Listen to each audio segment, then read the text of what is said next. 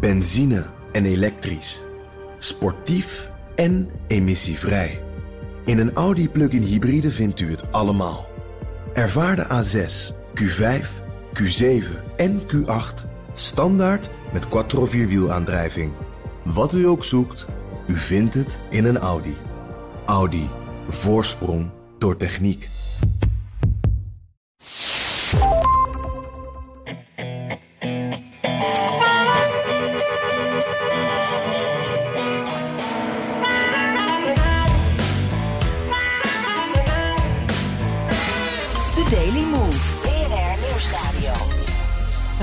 Verenigde Staten, want kunnen de Amerikanen na morgen dan eindelijk een streep zetten onder de midterms? De staat Georgia gaat bijna vier weken na de tussentijdse verkiezingen opnieuw naar de stembus. En de inwoners bepalen morgen alsnog wie de laatste senaatzetel krijgt. The final blitz for the only remaining Senate midterm race in the nation, the hotly contested Georgia runoff. De Georgia runoff. En of die verkiezingsdag nog voor vuurwerk kan zorgen, dat bespreken we met Amerika-correspondent Jan Postma en buitenlandcommentator Bernard Hammelburg. En dat zijn natuurlijk ook de mannen achter de BNR Amerika-podcast. Bernard, welkom. De Democraten hebben de Senaat al binnen, dat was al duidelijk. Maar is het dan toch nog spannend? Ja, het is wel heel spannend. Omdat ze hadden hem binnen, net als op de vorige keer, hè, kun je zeggen. Dus 50-50 en dan hè, 50 allebei. En dan de vicepresident als doorslaggevende stem. Dus formeel is dat dan een meerderheid. Maar het blijft een beetje sukkelen, want eigenlijk is het 50-50. En dus moest de vorige keer, na de vorige verkiezingen, moesten de leiders van de partijen ja, gaan onderhandelen over wie mag nou welke commissie voorzitten. En die commissievoorzitterschappen zijn ontzettend belangrijk Ja. voor het richtinggeven van de verkiezingen. Op het moment dat eh, er nog een extra senator binnen, binnenkomt, hebben ze een echte meerderheid. Ja, ja. En dat verandert Meer tot- ja, en, en eh, het, het, het bepalen van de agenda door die commissievoorzitters. Ehm, dat is echt heel belangrijk. En, eh, en allerlei andere dingen, zo benoemingen, eh, eh, eh, buitenlands beleid, al dat soort dingen. Dat gaat dan een stuk soepeler. Voor die ene stem is in dit geval echt een hele belangrijke. Ja, en het moest opnieuw in Georgia, omdat het verschil te klein was tussen de, de Republikein en de Democrat. Ja, nou het werkt net zoals bij bijvoorbeeld bij de Franse verkiezingen. In de eerste ronde moet, de, de, moet iemand eh, mi- minstens 50% 50,1% halen om te kunnen winnen. Als je dat niet haalt, eh, en dat was in dit geval, ze zaten allebei net onder de 50, ja dan moet het over. Dan moet het over en dat is morgen. Ehm, de strijd morgen gaat tussen de Republikein Herschel Walker. Hij is een oud-American footballplayer en ook lid van het Olympisch bobsleeteam in 92 las ik. En de democraat Raphael Warnock, of Reverend Warnock moet ik zeggen, want hij is ook pastor. Wat kenmerkt, kenmerkt hen verder, Jan Posma? Ja, eh, je noemt al even de belangrijkste punten waardoor mensen ze, kennen. Eh, Herschel Walker, eh, ja, je, je zegt al een, een bekende sporter. Het is echt een held, die man. Het is echt moeilijk. zelfs in Nederland hebben we denk ik niet iets wat daaraan Nee. grenst. zo- zoals dat in Georgia is. Echt, die mensen lopen met hem weg. Hij is een, een, ik denk de beste American voetbalspeler ooit in Georgia. En ik, ik was bij een campagnebijeenkomst van hem. Daar liepen allemaal mensen in zijn American voetbal shirt rond. En met zijn nummer erop. Een soort nummer 14, een soort eh kruif. Ja, precies, precies. Een soort kruif. Maar groter, ja. En, en, en hij, ja, hij is ook Trumps kandidaat, dus dat is ook heel belangrijk. Persoonlijk door Trump gesteund. Daar was ook wel wat kritiek op, want bij de Republikeinen vonden ze die Walker niet een heel sterke kandidaat. Eh, en, en ja, hij heeft ook sinds zijn kandidatuur nogal met schandalen te maken gehad. Hij is zeer conservatief, zeer anti-abortus.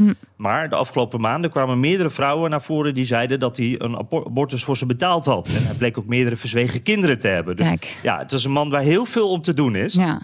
En eh, die andere man, eh, je noemde hem al de Reverend Raphael Warnock. En dat is niet zomaar een dominee. Hij is een dominee in de oude kerk van Martin Luther King in Atlanta. Eh, zijn foto hangt daar ook op een ereplekje bij Martin Luther King. Ik ben bij zijn zondagsdienst geweest. Echt zo'n zwingende zwarte kerk. Maar ook een, een kerk waar ze echt leven met dat verleden. Met die moord op Martin Luther King. Er stond daar politiebewaking bij de deur. Toch kwam daar nog een anti-abortus demonstrant ook de dienst onderbreken. En ja, die Warnock, die, die werd twee jaar geleden senator. Was toen eh, een tijdelijke ze- zetel. Eh, toen ook al naar een tweede ronde. Dus hij combineert nu al een hele tijd dat domineeschap met een campagne. Maar dat is hier inmiddels wel een beetje gewend. Gewend, ja. De campagnes worden hard eh, gespeeld en er wordt heel erg persoonlijk ook eh, campagne gevoerd. Laten we even luisteren, dat hoorde ik in jullie podcast trouwens, naar deze spot. what you do when nobody's watching. And Warnock thought no one was watching when his ex wife called police to report his abuse. And he's a great actor. And Warnock thought no one was watching when he evicted poor people from their homes. You gonna evicted for 119, 119 dollars. Treat me like Character is what you do. When nobody's watching, you find out who Reverend Warnock really is. I'm Herschel Walker, and I approve this message. Ja, een spotje van Herschel Walker, die uh, zijn tegenkandidaat of zijn concurrent heel erg zwart maakt. Bernard, heeft Warnock zijn vrouw mishandeld? Ik geloof het niet, nee. nee. Het is volgens mij een frame. Jan, Jan weet het mee, die is er helemaal ingedoken destijds. Maar volgens mij is het gewoon een frame. Het is bedacht uh, naar aanleiding van wat was meer gebeurd. Iemand die iets zegt, maar dat blijkt dan niet helemaal te kloppen. Jan, hoe zat hij? Ja, uh, die, die Warnock heeft wel eens uh, ruzie gehad met zijn vrouw. Is toen uh, blijkbaar ook over haar voet heen gereden. Volgens mij tijdens die ruzie. Zoiets is er gebeurd. Hmm. Maar dat wordt dan heel groot gemaakt. Wordt enorm opgeblazen. En dat zie je dan dus... Nou, dit spotje is een voorbeeld. Maar dit is... Als je de, de televisie aanzet in Georgia elk reclameblok zitten er twee of drie van dit soort spotjes in. Daar word je echt helemaal gek van. Die mensen daar worden daar ook helemaal gek van. En dat heeft er denk ik mee te maken. Eigenlijk weet iedereen daar al maandenlang voor wie ze willen stemmen. Hè? Want ze, ze zijn al zo lang campagne aan. Ja, ze hebben een keer gestemd ook. Ja. ja, precies. Dus iedereen heeft die kandidaat al een keer gezien, heeft alle verhalen al gehoord. Dus wat ze nu eigenlijk doen is, ze proberen hun eigen achterban nog op te zwepen met dit soort negatieve spotjes. Dus ze proberen niet meer twijfelende mensen te, te, over te halen. Het gaat echt om de eigen achterban. Die moet boos genoeg worden om naar uh, dat stemlokaal te gaan. En dat is wat er nu gebeurt. En dus het is alleen maar negatief. Het is Ja. echt uh, ja, heel, heel frustrerend voor de mensen daar ook. En het verschil was al klein. Weten we wie er nu voor staat, een dag voor de nieuwe verkiezingen? Ik, ik heb de indruk uh, dat Warnock voor, voor staat iets. Ja, was toen ook, hè? Ja, was toen ook. En dat bleek ook. Want in die verkiezingen, dat was wel heel weinig. Maar hij had meer stemmen dan zijn tegenstander. Um, en ik heb de indruk dat het eigenlijk nog steeds zo is. En ja, die hoort wat Jan vertelt. Eigenlijk is het ook heel logisch.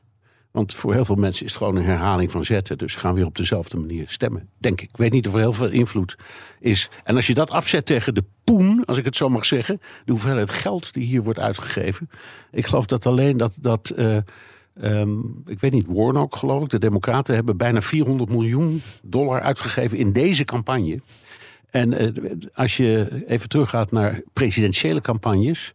Uh, de strijd tussen Obama en Romney... Ja. Toen heeft Romney ook 400.000, 400 Hm. miljoen in totaal. Dollar in totaal voor zijn hele campagne uitgegeven. Okay. Dus het geeft een beetje. Een, een, er staat veel op het spel. Het, ja. Nou, ja, precies. Het geeft heel goed weer hoeveel er op het spel staat ja. voor die partijen. En, en Jan, voor de Republikeinen, de campagne daar in Georgia, die hebben Donald Trump zorgvuldig doodgezwegen. Is dat een hele tactische, slimme zet? Nou, het, het, is inderdaad tactisch. Het is echt een, een feit inderdaad dat Trump uh, eigenlijk niet genoemd wordt daar. Uh, ik was bij een uh, Herschel Walker rally ook, een beetje op het platteland van Georgia. En, en daar werd Trump geen één keer genoemd. En ik zag maar één Trump-shirtje. En diegene had er zelfs een vest overheen getrokken. en ik moet zeggen, dat is echt wel anders geweest hoor, de laatste tijd. Dus dat is echt opvallend. En nou ja, het heeft met een paar dingen te maken. Het gaat natuurlijk om de opkomst. Hè. Hadden we het net al over. Je moet je eigen achterban zoveel mogelijk motiveren. Maar als er nou iets is wat democraten motiveert om te gaan stemmen... dan is dat wel Donald Trump. Aha. Dus die republikeinen denken van wacht even... die Trump die moeten we eventjes thuis houden. daar is Trump zelf niet zo blij mee trouwens. Uh, en wat ook meespeelt, Trump die krijgt gedeeltelijk de, de schuld voor de tegenvallende congresverkiezingen. Hè, bijvoorbeeld door zijn Ja. kandidatenkeuze. Herschel Walker, niet een heel sterke kandidaat, was Trumps keuze. En wat ook nog meespeelt, uh, veel republikeinen die zijn wel wat klaar met die verhalen van Trump over verkiezingsfraude. En Georgia was natuurlijk de staat Hm. waar Trump met dat telefoontje hè, probeerde Ja. te, te manipuleren. Zei van geef mij even die 11.000 stemmen zodat Ja. ik win. Nou, de man die aan de andere kant van dat telefoontje zat en daar tegen inging, Brad Ravensburger, die is herkozen. De gouverneur van Georgia, die ging er ook niet in mee. Uh, uh, Kemp, die is ook herkozen. Dus dan weet je een beetje het gevoel, het sentiment in Georgia. Ja.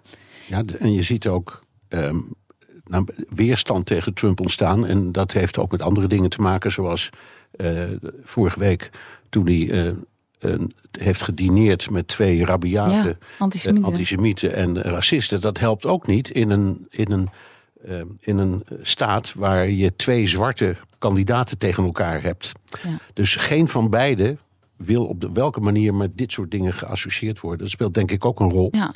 Hetzelfde geldt ook voor de Democraten, want die willen ook Biden er niet bij. Nee, want die is er ook niet nee, geweest. dat nee, Is het, dat vinden ze toch een beetje een have-been. Dus die hebben ze er liever niet bij. Nee. En eerlijk gezegd vind ik het ook heel verstandig. Gewoon eigen kracht.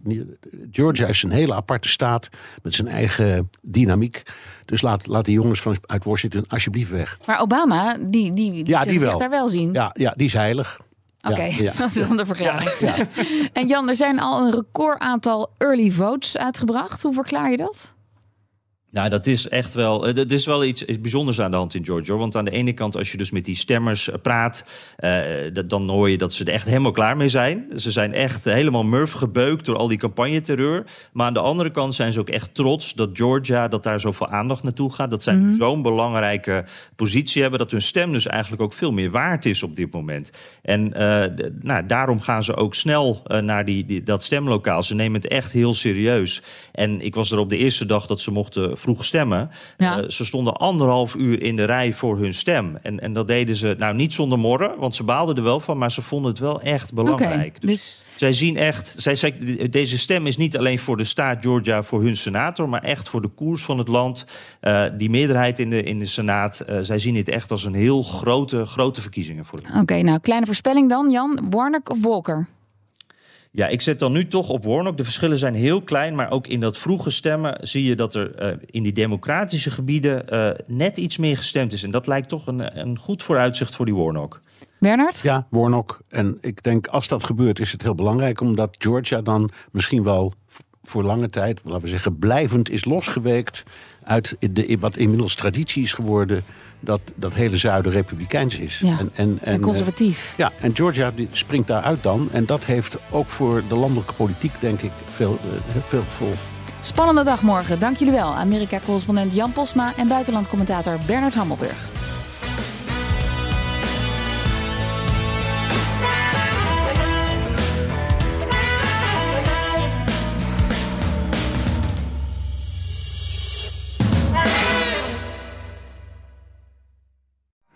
Benzine en elektrisch.